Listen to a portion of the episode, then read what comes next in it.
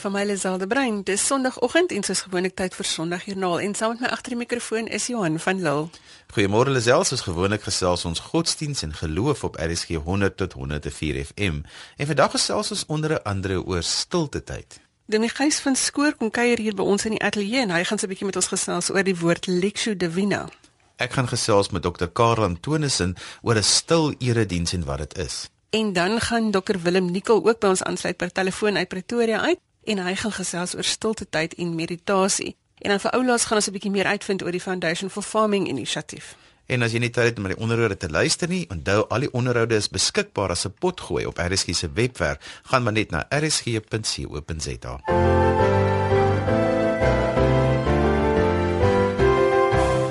Ons het in 'n vorige program gepraat oor alternatiewe eredienste en vanoggend sluit Dr Karel Antonissen by ons aan om te gesels oor 'n stil erediens. Môre Karel. Môre Johan. Karel, eredienste is van so 'n aarde dag gesing en gepreek word. Hoe sal 'n stil erediens dan beskryf word?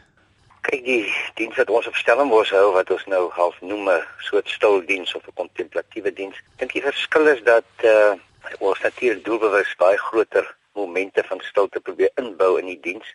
En dan uh, is die preek speel nie so 'n geweldige sentrale rol nie behalwe dat ons die uh, woord laat opklink op ek dink op 'n op 'n helderder en 'n duideliker manier. Wat ek wel doen is dat voordat ons die skrifgedeelte lees en ek sluit my elke sonderdag aan by die leesrooster gee ek so 'n bietjie toeligting of, of agtergrond so ek as eerste leser gee vir die mense half leidrade uh hoe hulle miskien beter kan luister na die woord en dit werk eintlik geweldig goed want ek dink vir die eerste maal luister mense beter na hoe die Bybel gelees word en wat na hulle toe kom. Karel, jy verwys na momente van stilte. Wat presies bedoel jy daarmee? Ek ons begin uh byvoorbeeld gewoonlik met 'n soort verwelkoming en dan vir 'n uh, gebed waarna mense klein bietjie stilte toelaat. En dan gebruik ek baie musiek wat uh, daai atmosfeer skep van van van stilte. Dit is nie lawaaiige musiek of wat ek al dis alles kontemplatiewe musiek wat 'n mens ek dink net 'n atmosfeer skep waar jy rustig in kan word. En dan sal ek meer pauses inbou ook na na sekere elemente. Maar die groter moment van stilte is eintlik nadat ons na die woord geluister het, dan is daar amper 10 minute wat mense net in stilte 'n bietjie nadink, stil word ek hier en daar leidrade wat hulle in die stilte miskien kan oorweeg of doen. So die stilte is eintlik 'n deurlopende element van die diens, maar daar is 'n baie spesifieke moment wat 'n mens nou stilte toelaat vir 'n langer tyd. Karel, maar stilte vir die moderne mens wat so gejaagd lewe, kan amper 'n angswekkende ervaring wees terselfdertyd as dit ook 'n goeie ervaring moet wees. Ja, ek dink die mense wat nie aansluit by die diens en daar's nog hulle 'n so deurloop as 'n kerngroep wat daar kom wat ek dink ingegroei het reeds in die stilte in. Jy weet vir hulle is dit absoluut wonderlik om net baie van hulle kom selfs vroeër. Ek sit gewoon 'n bietjie sagte musiek aan en hulle kom sit gewoon daar in stilte. En uh tydens die diens selfs hulle omhels dit regtig omdat hulle uh, ek dink ingegroei het en die waarde van stilte ontdek. Daar is ander wat ek dink wat vir die eerste maal kom wat miskien 10 minute ongemaklik sal vind. Maar uh, as jy nou uh, langer daar is, ek dink daar is baie ander elemente ook wat ek dink die mense bietjie intrek. Ons het ook byvoorbeeld ek ek stap 'n bietjie weg van die stilte, maar de, daar is ook ander momente in die diens wat ek dink die gevoel skep dat 'n mens tot rus kom en ons skep ook daar so rituele wat ons alterneer wat ons uh, afwissel. Ons een Sondag 'n helingsritueel, ander Sondag steek ons net kersse aan. Dit is alles in stilte. Jy weet en dan die uh, Eucharistie of die nagmaal word ook uh, tot 'n groot mate in stilte gedoen. Ek sal uitnodiging rig mense sal om my om ons kom staan en dan op die manier in stilte ook die sakramente ontvang en geniet. Karel, wat is die waarde van stil word vir mense? Ek dink mense uh, ons leef maar in 'n wêreld waar jy baie uh, gefragmenteer en ek amper sê losgeruk is van uh, die omgewing en van mense en uh, ons jaag so voort dat ons uh, nie daai koneksie wat nodig is om ons bietjie teenwoorde te stel dat ons regtig meer bewus word van wie ons self is voor God. En ek dink dit bring jou weer terug na daai plek waar jy uh, ja, weer kan nie uh, jou jou band met alles rondom en in jou kan besef. En soos iemand nou eendag gesê het, ek ek het dit al dikwels genoem uh een van die ou geestelike vaders het op 'n stadium geskryf dat stilte die eerste taal is van God. uh in God se moedertaal dat ek wil amper sê in stilte kry ons Skepper die geleentheid om ek dink dieper aan ons te raak en ons miskien beter te bedien met sy liefde, sy sorg. So stilte het vir myself 'n baie belangrike deel geword en die erediens probeer daai ruimte skep waarin mense regtig tot hulle self en uh voor God ek miskien tot 'n dieper soort belewing van sy teenwoordigheid kan kom. Karel, vind julle dat um, lidmate dan deur die week ook hierdie stil word en hulle in hulle alledaagse tyd inruim? Dis die hoop waarmee mense nou so diens ook hou is dat mense 'n uh, smaak kry van wat stilte aan jou kan doen en dat jy dit nou indra in jou gewone lewe. En daar's baie van die mense wat daar kom wat ek dink nogal dit ook doen. Uh daar's mense wat ek nou selfs gevoel het is baie meer kontemplatief as ek al. Sy so hulle hulle kry iets daar. Dit is is ek ek het nogal dit was al gehoor dat uh, mense vir hulle kom tuis daar soggens en kry iets waarmee hulle in die week kan ingaan en dit gaan regtig om die ek dink die groter kalmte, die groter rus van waaruit ek wil dis nie 'n uh, mens moet natuurlik altyd waaksaam wees dat dit nie 'n net 'n ontvlugting word nie maar dat dit juist die rusplek word van waaruit 'n mens amper meer sinvol weer besig kan raak met jou werk en met jou verhoudinge en jou verhoudinge met ander mense. Ek ek dink regtig vanuit daai plek van rus en stilte raak mens baie meer betekenisvol betrokke by dinge en by mense. So die ek dink die mense dra dit in. Uh, en dit is waar ek ook maar probeer dat die diens my help om om stiller te word. Ek het al gevind as ek nou kan sê dat ek dikwels van die stildiens af dit gebeur dat ek soms na 'n ander diens toe beweeg waar ek moet preek. En dan vind ek nogal dat die stildiens my geweldig help dat ek net baie meer ontspanne en rustig is. Dit was dokter Karel Antonissen wat vir ons vertel het hoe 'n stil erediens werk. Karel, baie dankie. Goed Johan, baie dankie.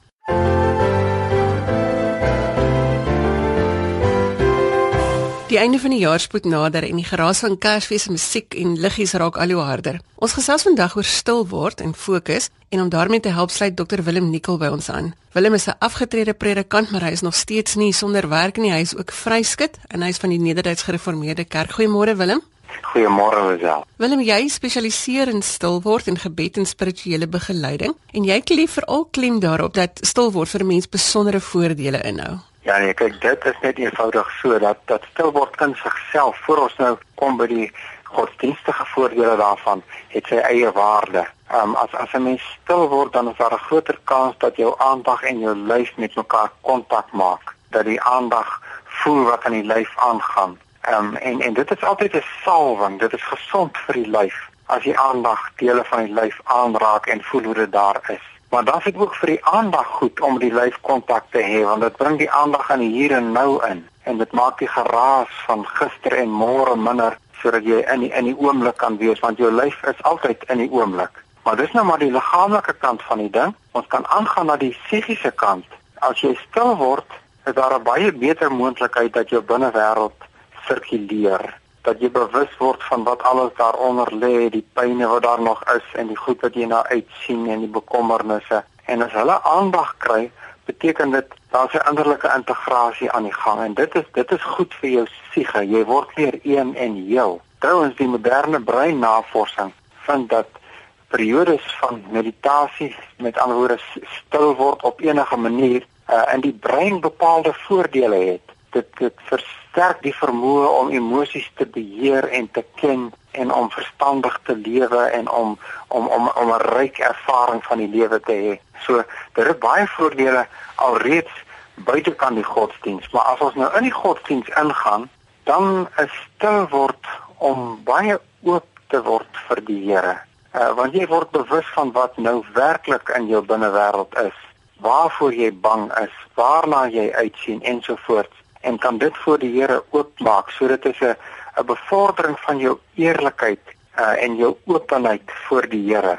Ehm um, en en en, en dit is ook 'n afhanklike oopstelling want ek is nou stil. Ek doen eintlik niks.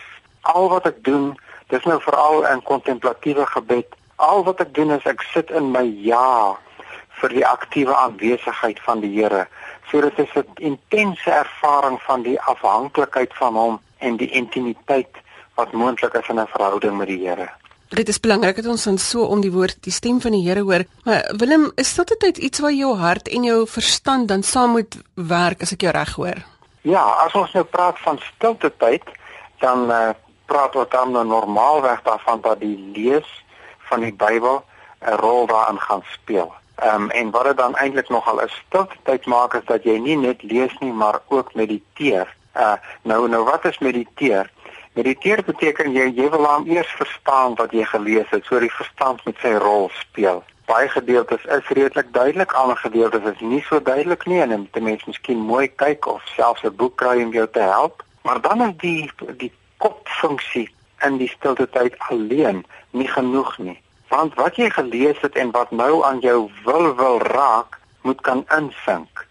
So ons gewoonte is om dan so vir die mense 'n paar minute te gee of vir jouself as jy op jou eie stilte tyd hou waarin jy jou aandag keer op keer laat terugkeer na dit wat nou met jou praat sodat dit jou kan raak en eintlik kan begin om jou te skuif sodat die Here deur sy gees iets aan jou kan doen deur wat met jou praat. Dit dit dis nou die die hoe die die hart moet saamspeel. So die kop en die hart uh, is is 'n eenheid en dit is mooi as albei hulle goeie rol speel in stilte tyd. So Willem, as ons nou moet voorskryf, hoe hoe lank behoort 'n stilte tyd te wees en hoe sal 'n mens hierdie tyd wat jy aan jouself afstaan inrig? Ek dink as dit minder as 20 minute is, dan is dit soos iemand wat loop voor hy die pudding geëet het.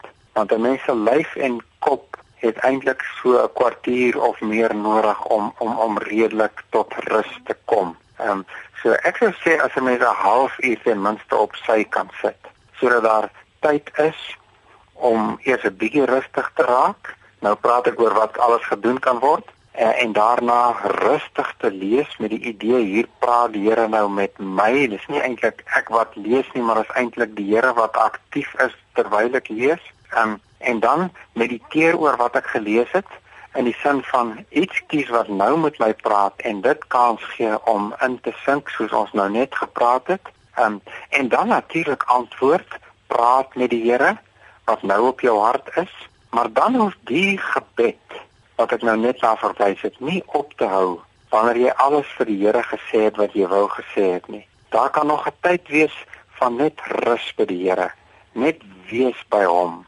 Dit is 'n tyd waarin 'n mens eintlik beweeg in die groter stilte in.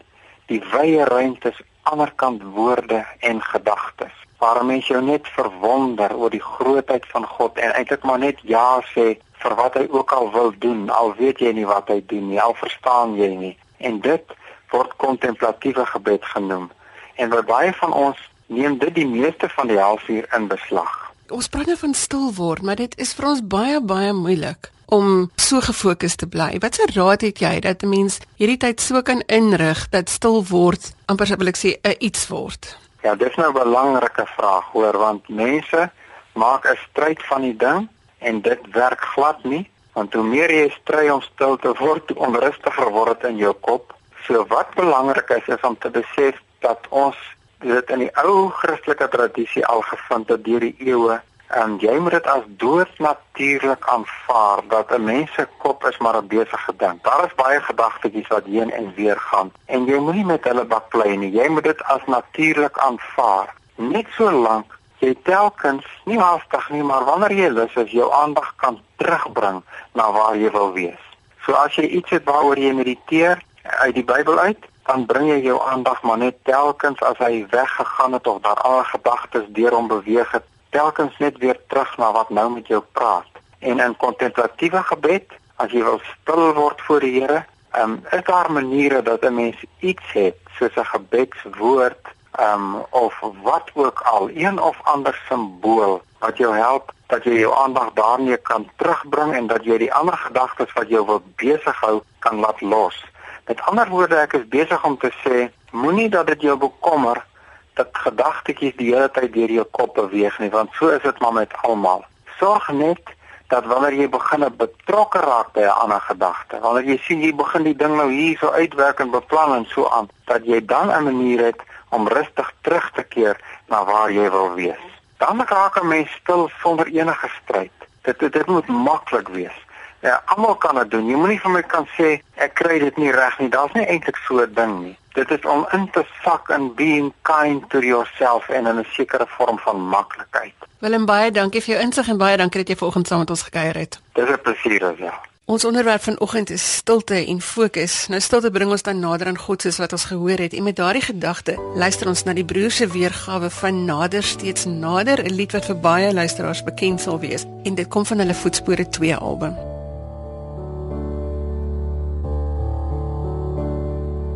Nader steeds nader, na aan U sy. Trek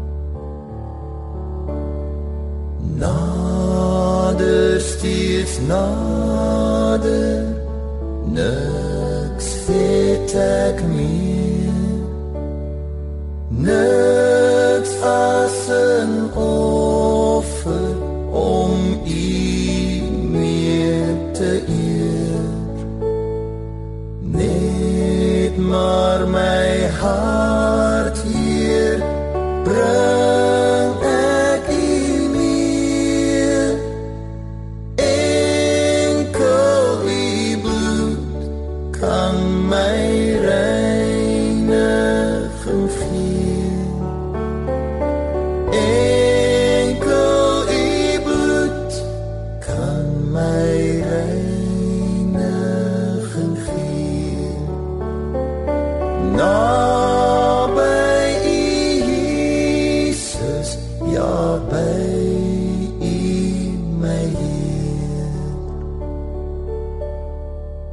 het geluister na die broers met Nader steeds nader van hulle album Voetspore 2. Die program waarna jy luister is Sondag Joernaal op RSG 100 tot 104 FM. Ons hoor baie graag van julle. Daar's verskeie maniere hoe jy met ons kan kontak maak. Los vir ons 'n boodskap op Sondag Joernaal se Facebook bladsy of stuur vir Lazel 'n e-pos na lazel by wwd.co.za. Dis Lazel met 'n Z by wwd.co.za. Ons sê natuurlik ook goeiemôre vir almal wat via die webwerf ingeskakel is by rsg.co.za en is natuurlik ook hier waar jy inligting oor vandag se program kan kry. Ek is Johan van Dil en soos gewoonlik saam met my agter die mikrofoon is Lisel de Bruin. Dominee Gys van Skoor is van die NG Gemeente Durban wil en kuier saam met ons in die ateljee vanoggend. Goeiemôre Gys. Goeiemôre Lisel. Gys, help ons asseblief 'n bietjie met die woord Lexo Davina. Miskien moet ek net iets oor myself sê dat Lexo Divina was die geskenk wat ek van die Here ontvang het wat vir my die pad uit my 2 en 'n half jaar van donkerte van woestyntyd aangedui het. Ek het baie gesukkel om 'n uh, kwaliteit verhouding met die Here uh, te ontwikkel. Ek was te besig, ek was te daar was te veel geraas in my lewe en uh, Lexo Divina het my gehelp om te verstaan dat die manier waarop mense die Bybel ook kan lees en wat toe vir my baie groot seën gebring het is om na die Bybel te luister. Ek was gewoond om die Bybel te bestudeer, te analiseer, om die Bybel as 'n instrument te gebruik vir 'n preek, vir 'n Bybelstudie of wat ook al. Ek het nie uh, op daai stadium geweet wat dit beteken eintlik om by die Here stil te word aan die hand van 'n teks en luisterend om te gaan met die Bybel nie. So Lexio Divina is die herwinning van 'n ou luistermetodiek uit die vroeë kerk uit. Ek wil nou net vir jou vra, is dit 'n nuwe manier van doen? Wie kom ek sê dit is 'n uh, wêreldwyd ontdek ons eintlik nou 'n uh, geskenke wat uit die kerkgeskiedenis na ons toe kom en ek dink Lexio Divina is een van hulle. So as ek iets meer oor Lexio Divina kan sê dan kyk uh, ons is gewoond om die Bybel te lees. Ons is nie so gewoond daaraan dat die Bybel ons lees nie. En die beste manier dink ek miskien om uh, Lexio Divina te beskryf is Bybelstudie gaan die energie en die kreatiwiteit gaan van ons af uit uh, na die Bybel toe en ons wil die Bybel verstaan en begryp. En in die woordjie begryp is die woordjie greep, begreep. Ons wil 'n greep hê op die Bybel. En daar's nie eintlik iets verkeerd daarmee nie. Dis hoe ons uh, enige dokument lees. Uh wat Lexio Divina op die ouene byvoeg is die omdraai ook van hierdie proses waar ek nou begryp laat ek toe dat die Bybel 'n greep op my kry dat God as te ware aan die hand van die teks 'n greep op my kry. So hierso op die ouene is die crucial kapasiteit is om luisterend, wagtend te lees vir God se stem vir my nou in hierdie konteks. Sou ek reg wees as ek dit opsom om te sê dis nie 'n inligtingsessie nie, maar 'n kommunikasiesessie. Ja, Malala het 'n skitterende boekie geskrywe waarin hy verduidelik dat ons gewoond is aan uh die informatiewe lees. So ons lees om info te kry, inligting so vinnig as moontlik as te ware te abstraheer uit uit dit wat ons lees uit. In Lexio Divina gaan dit oor formatiewe lees. Dit gaan hier daaroor dat ons gevorm word deur wat ons lees. So dis ook nie 'n teologiese analise van die woord nie. Nee, wie ons het eksperimente gedoen dat dat tieners op 'n heel eenvoudige manier, uh, is dit 'n wonderlike ding wat Lectio Divina eintlik doen, is dat dit half uh, vir ons almal help en toegang gee tot die Bybel, want hier sê ek weer, gaan dit nie in die eerste plek eintlik oor die Bybel nie. Dit gaan eintlik oor die lewende God wat deur die Bybel na ons toe kom en ons lewe kom bemoedig, kom aanraak, kom vermaan, kom vertroos, kom lief hê en ons stel ons vir hierdie lewende Here wat deur sy woord nou na ons toe kom oop. So met ander woorde kan ek ook dan sê dit help dat ons nie die Bybel net as 'n gewone teks sien nie, maar as 'n lewende woord. Dit is die groot geheim. Lexus Divina het vir my gehelp om uh, die lewende God op 'n nuwe manier te ontdek en te beleef. Ek wil dit so nou helder sê. Deur Lexus Divina het ek uh en ek vir die eerste keer dink ek op 'n volhoubare manier 'n eerstehandse verhouding met die lewende Here in Jesus en deur sy Gees ontwikkel en die eerstehandse leer leef met hom. Uh, in Lectio Divina hoor jy God se lewende stem. Dis eintlik die Viva Vox waarvan die reformatie gepraat het. Ons ontdek dit vir onsself. God praat Afrikaans met ons nou in ons lewenskonteks. So verduidelik vir ons gys, hoe word dit gedoen? Hoe moet ons stil ja. word? Ek dink daar is basies 4 uh, vier stappe van van Lectio Divina. Die die voorbereidende stap is dat ons net 'n tyd in inruim uh, op 'n plek uh, waar ons nie gesteer hoef te word nie uh, en waar ons tot rus kan kom. En dan is dit basies uh, vier eenvoudige stappe. Die eerste lees ons die teks uh gewoonlik uh nie langer as 10 12 verse nie. Ek sê weer dit gaan nie so gaan nie nou oor inligting, dit gaan oor kwaliteit lees. So ons beperk ons tot is jy maar 'n perikoop en ons lees dit op die ouende en die eerste lees is om beter hierdie teks te verstaan. Ek dink dit is soos ons altyd op ouende doen en dit is nie verkeerd nie. Uh, ons probeer verstaan wat ons lees. Dan die tweede belangriker lees in ter van Lexio Divina is die lees met die oog om uh sensitief te wees vir dit wat God nou vir jou wil sê. Hoe raak hierdie teks? Hoe raak God deur hierdie teks nou my lewe. En dan is 'n paar belangrike vrae wat jy moet vra. Is daar 'n woord of 'n sinnetjie terwyl jy lees wat vir jou uitstaan? Uh of is daar 'n beeld wat aan jou toe kom? En die uitnodiging dan van die Here aan die hand hiervan is om in daai woord of sinnetjie te gaan sit. Ek wil daarvan om dit so te stel en doodgewoon ehm um, oop te wees met die vraag: Here, wat wil U deur hierdie woord of hierdie sin uh vir my sê. En laat ek nou dadelik sê, dit is nie dadelik helder nie. Dit is net nie 'n quick fix scenario hierdie nie. Dit kan uh later die dag vir jou oopgaan. Dit kan later die week op jou nou vir jou oopgaan. En dan die derde stap is uh, is die eenvoudige gebed want ek nou nie vir die hele wêreld bid nie. Ek doodgewoon in 'n eenvoudige gebed net reageer op dit wat ek nou gehoor het en hoe die Here my lewe geraak het. En dan die vierde stap, die kontemplasie gedeelte, is op net die rus by God uh voordat ek weer met my dagtaak aangaan. Net miskien net 'n een ding wat ek dink nou vir my uh, het baie gehelp het Bonnie verpraat daarvan in sy boekie Life Together is dat ehm um, uh, en ons het nou al in ons gemeente dit al vir 6 7 jaar is ons uh, besig om dit in te oefen. Ons lees een teks 'n week. Ek dink ons is verslaaf aan nuwe inligting.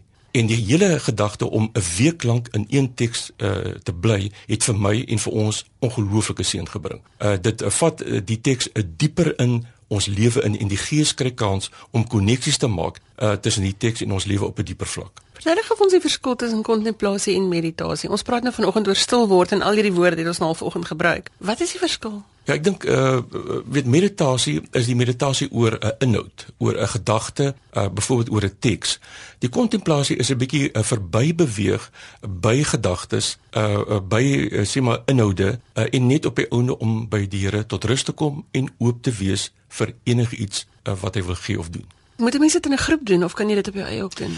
Kom ek sê ek dink Lexio Divina wil eintlik uh, vir ons help in ons eie lewe saam met God. Uh en ek dink dit is op die ouene waar die waarde lê. Daar's 'n ander tipe van metodiek byvoorbeeld 'n wandel in die woord uh wat ek dink ook baie mense van weet wat ek dink 'n baie go uh, goeie groeps uh lees van die Bybel is. Uh so jy kan Lexio Divina eintlik vir jou eie lewe saam met Here gebruik. Ons het eksperimente gemaak met Lexio Divina aandienste. Ek dink op die ouene dit het uh, waarde en ek dink dit uh, kan weet verder ontwikkel.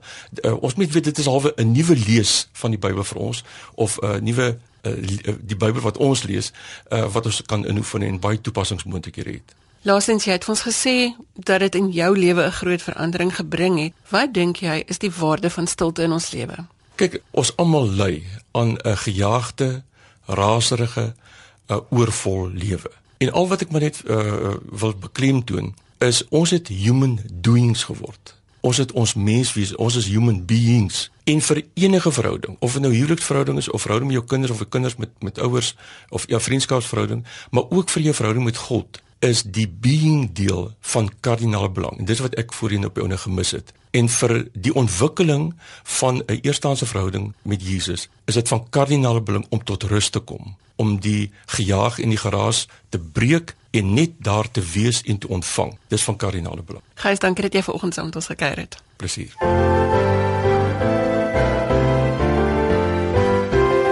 Lisel, jy het by luisteraars gaan inloer in Johannesburg. Dis reg Johan, ek het so 'n bietjie gaan kuier by die Foundation for Farming inisiatief wat hulle champs bymekaar gehad het in die Sandu by die Bula Park konferensiesentrum.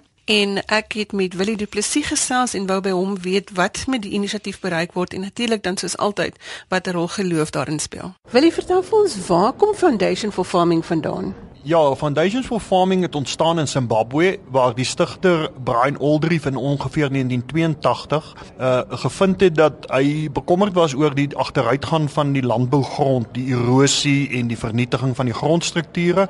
Nadat hy tot bekering gekom het, het hy toe vir die Here gevra, "Hoe maak 'n mens?" Die Here het vir hom sê, "Gaan kyk in die natuur hoe boer ek. Ons ploeg nie die grond om nie, ons brand dit nie uit nie, ons gebruik 'n kombers en deklaag en ons behou die natuurlike uh humus en die blare as voeding en dit was die ontstaan daarvan en toe die Here dit op sy hart gelê het dat hierdie program gebruik moet word om vir die arme mense in Afrika te help om op 'n baie ekologies sensitiewe manier maar ook in 'n bekostigbare manier vir hulle self te voorsien in voedsel wat beter is is wat die uh, manier is wat tans gevolg word met die ploeg en die plant en waar die opbrengste in die in die tradisionele gebiede geweldig laag is.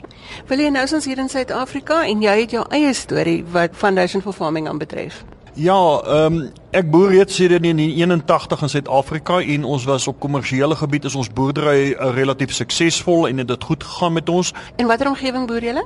Ek boer naby die Humansdorp in die Oos-Kaap. Uh hier so in die laat 1920s, 2008, 2009 het ek gevoel die Here vra vir my en sê jy boer nou al lank al jy werk heeltyd vir jouself, wanneer werk jy vir my en ek het gesê ek kan nie 'n predikant word of so iets nie. Ek is 'n boer en toe ek Foundations for Farming sien, toe sien ek dit wat die Here my op my hart lê en hierdie landbou, hierdie goed kombineer en ek kan dit doen. En hoe werk julle vandag? Hier is 'n klomp mense bymekaar wat julle champions noem. Ja, ons champions is die mense in die veld uh, wat uitgaan en ander mense wys hoe om dit te doen en hulle leer hoe om dit te doen want ons program, dit is basies 'n evangelisasieprogram waarin ons die goeie gebruik van grond aanmoedig en die verantwoordelike gebruik en daardeur mense in staat stel stel om dit wat hulle reeds het te gebruik om vir hulle self voorsienend te wees met voedsel en op daardie manier die juk van armoede en ellende van hulle af te haal. Nee, jy eers begin op die grond van jou eie plaas en toe uitgebrei hoe het dit gewerk?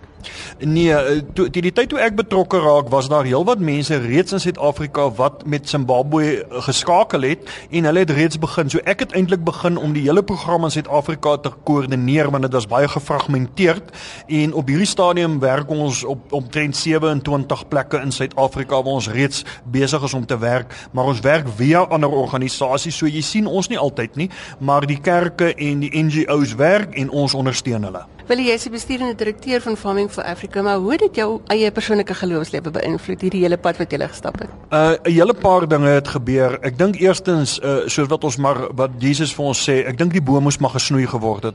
Ons bome was te groot en die vrugte te min. En die bome moes gesnoei word sodat die vrugte meer word en die bome kleiner. En tweedens dink ek die eenvoud uh, en die absolute afhanklikheid van God wat 'n mens sien onder die arme mense en hoe mense hulle moet help, was vir my belangrik. As ons teruggaan na Jesaja 58 dan sê die Here as jy werklik die die ware vas wil volg, dan moet jy omsien na die armes. En ek dink hierdie dinge skakel aan en dit het vir my 'n werklike ware vas geword. As mense meer wil uitvind oor Foundation for Farming, waar kan hulle inligting kry? Die maklikste sal wees om na ons webwerf te gaan foundationsforfarming.co.za en daar sal hulle skakels vind en hulle kan via e-pos of telefoon die mense kontak wat daar wat daar, daar aangedui word onder die kontakte. Also Rautenbach is van Feed a Child. Also hoe skakel julle in by Foundation for Farming? Feed a Child het so 3 jaar terug by Foundation for Farming betrokke geraak. Hulle het op ons pad gekom. Het ons glo die Here het Foundation for Farming op ons pad gestuur met ons groot taak wat ons het. En so het ons betrokke geraak by Willie hulle en op die einde van die dag is twee van Feed a Child se mense, ek en Judy dan ook op die bestuur die trust van Foundations for Farming. En presies wat doen Feed a Child? Dit klink vir my logies, maar is dit? Jong, dit ons doen baie meer as net die logiese gedeelte. Ehm um, Feed a Child voed op hierdie stadium so 6000 kinders met Nutrimeel. Dis 'n kitspap wat jy net met water meng. Dit bevat al die voedingswaarde wat hulle op 'n daaglikse basis nodig het en dit kos net R2.50. En ons het spesifiek toe Feed a Child begin het so 4 en 'n half jaar gelede op die pap gefokus want daar waar ons kom is nie noodwendig kombuise nie. Daar's nie noodwendig kookgeriewe nie. Daar's nie 'n ma en 'n pa wat kan kinders help met hulle kos nie. So dis toe ons begin het die logiese stap om te volg om eers in te gaan want 'n hongerkind kan nie leer nie. En 'n hongerkind gaan ook nie sit en luister weet as jy die woord van die Here wil bring nie. So dit is die logiese stap om in te kom. Kom ons voed net gou daai magies en kry hulle dan om te luister en vertel vir hulle van hoe wonderlik God is. En dan gaan ons oor na die volgende stap toe wat nou Foundations for Farming Bells. Die visie het basies so 4 en 'n half jaar begin waar die Here dit op my hart gelê het dat ek kan meer vir behoeftige mense of meer vir mense doen daar buite. My agtergrond was HR gewees. Ek het 'n personeelagentskap gehad vir 12 jaar. So om mense te help was altyd deel van my lewe. Maar 5 tot 10 mense 'n maand weet en hulle gesinne wat jy beïnvloed het en die Here het dit net op my hart kom lê dat weet jy alsa jy kan meer doen. Daar is daar's soveel meer daar buite en ek was totaal onkundig. Ek kom nie uit die veld uit nie. Ek weet was nooit tussen die behoeftige mense nie alhoewel hulle my altyd aangetrek het. So dis maar soos wat ons stap gestap geleer het en die Here stap 'n pad met ons. Eers was die stap gewees, kom ons gee vir hulle kos en dan leer ons hulle tuine sodat hulle self onderhoubaar kan begin word. En die bordjies het so bietjie geswaai in die laaste jaar. En dit het maar meerendeels ook gekom met daar's soveel mense, hoe meer mense weet van Feed a Child, hoe meer bel en sê kan jy help? Asseblief a Child ons kyk na 400 kinders en ons het nie geld vir kos nie. Weet en dit die ek sê altyd die positiewe het toe nou begin half negatief voel. Die positiewe is so lekker ons gaan help hulle ons gee hulle kos. Ons sien die weet geluk in hulle in hulle oogies. Ons sê altyd jy kan in 'n kind se oë sien wanneer hy honger is en wanneer hy opgewonde is En weet toe begin dit al hoe meer word in die laaste jaar wat ons moet sê maar sonder befondsing kan ons jou nie help nie. Dis net R2.50 geëte.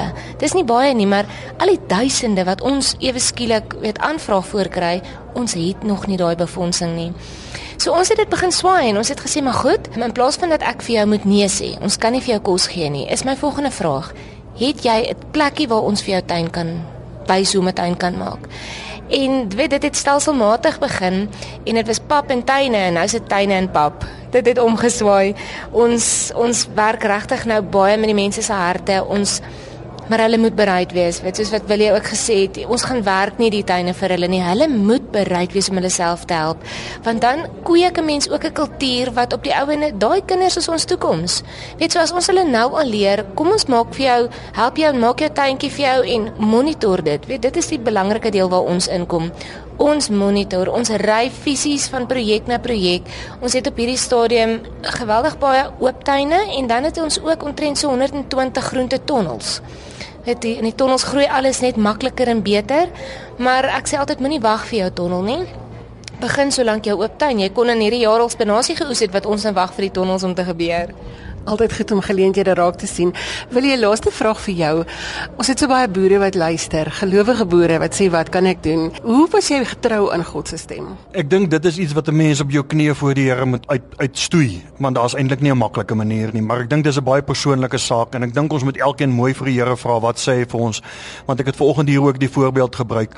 Die Here het die donkie gebruik toe Biliam nie wil hoor nie, so ons moet maar luister wat hy vir ons sê. Ek was dan ook bevoorreg genoeg om te gesels met Brian Aldrich wat die hele Foundation for Farming begin het in Zimbabwe. I was a tobacco farmer for many years, and then God convicted me that I was growing poison for many people. So we started growing food, and uh, God put us through a, a real learning curve and character sort of humbling. And then I worked for a widow, having lost everything of my own, and that was also going out of business. And so then I had to ask God what the problem was. Um, and then Romans 1 18 to 22 says, If you look at God's natural creation without excuse, there must be a God. So I went and looked at God's natural creation, and He taught me His way, the way that He farms in nature. And so that farm, that was going out of business, started making a profit every year to such an extent that it grew to being the second largest privately owned cropping farm in Africa, 3,500 hectares from the blessings of what He showed me. Then God said to me, um, I want you to go and share with the poor people because He gave me a heart for the poor. Because I saw the poor people coming and asking me for help all the time. And, and so that the main heart behind it is for the small scale farmers, and there are over half a billion in Africa who are so hungry and getting poorer, and in the whole world, there a lot of them. So God's given us a plan of how to do it with a very simple technology you don't need to plow or anything, just a hoe. And, um, and we've actually taught now from lot, long-term experience that can grow without fertilizer, chemicals, for hybrid seed, machinery, diesel, repairs and maintenance, interest and redemption, their own labor. They can make a massive profit and the dollar to return to the dollar invested. And now we've got um, 20 stations teaching that in Africa. We've been invited into 32 nations in Africa. And we've got a station starting, a fully fledged one in India. We've got one in the center of Europe. We've got one in, in southern England, very big one, and then a fully fledged one in Canada. Got a, um, one in the USA, which is amazing one. We've been invited into South America, to, into central China, and we've got a group going into Indonesia now. So it's uh, it's going to the world for the poor. And this is all built on a message to show love and teach love. Yes. We've got the simple technology and a simple management system to make a profit. You must do everything on time at standard without wastage with joy. If you get those four things right, you'll make a profit. And so we have to then get that theory into their hearts. And we come with the love of Jesus because we've actually got a spiritual battle. Every problem on earth is actually a spiritual battle. And Jesus is the only answer for that. He's the only one who's overcome the author and the rule of this world and all his schemes. So we spend 20% of the time in a simple technology and management system, and 80% of the time applying it to uh, Jesus to life. It's it's a wonderful vehicle. Farming, Jesus was like a farmer, teaching people the soil and the seed and stuff, and so it's been anointed by God, and that's why we've been called all over the world now. Because since the great decline of the world's economy in 2008, unemployment's happening all over the world, and the poor are getting poorer, and so my life's work is to ask God what His plan is for the poor, and we're sharing it because growing things very well at very high standard and looks beautiful. Gives it's a therapeutic thing. It gives hope to the heart of the, the broken down ones in the world who've got no work and hopeless, and they, they're also suffering from a lack of self worth, and and then they turn to drugs. There's depression and suicides and nervous breakdowns and stuff. So we go in with our method, and even going a little garden actually shows them Jesus applied to life and the hope and the joy of doing that brings them out of that hopelessness. And then we, of course, Jesus is the hope of all things. Dr Barry Tolmey van 'n gemeente in KwaZulu-Natal is ook by Foundation for Farming betrokke. Barry, hoe raak 'n predikant en dan ook 'n gemeente, spesifiek julle gemeente van Natal betrokke by hierdie projek? Lisel, ek is glad nie 'n boer nie, so ek weet niks van boerdery af nie, maar Willie het net na my toe gekom en gesê dat hy hierdie groot visie van die Here het en uh ek het maar saam met hom gebid en met hom eintlik maar 'n mentorskappad geloop en uiteindelik dit teruggevat KZN toe en uh die gemeente het ook nou die foundations uh, opleiding gehad so ons is besig om die gemeenskappe in die omgewing te ondersteun. Maar dan is dit een van die NG Kerk en KZN se uh, fokusprojekte. En uh oral in die gemeenskappe saam met die CMD is ons eintlik besig om 'n verskil te maak aan mense in ons pragtige provinsie wat goed rugby speel maar wat nie genoeg kos het nie met baie armoede om uiteindelik 'n verskil te maak. So uh, dis dis wonderlik om as dominee uh, die mure af te breek om die fokus na die wêreld te gaan te hê. Ons is op die oomblik 'n missionêre kerk. Ons sê dit, ons preek dit en om dit prakties vir my te doen en om by die Foundation for Farming en Feed the Child betrokke te wees op bestuursvlak is is regtig 'n stukkie geskenk van die Here en dis wat ek as dominee sien wat ons predikante moet begin doen. Ons moenie net op kansel staan en preek nie. Ons moet bietjie die talente wat die Here vir ons gegee het gebruik om 'n verskil in die wêreld daar buite te maak.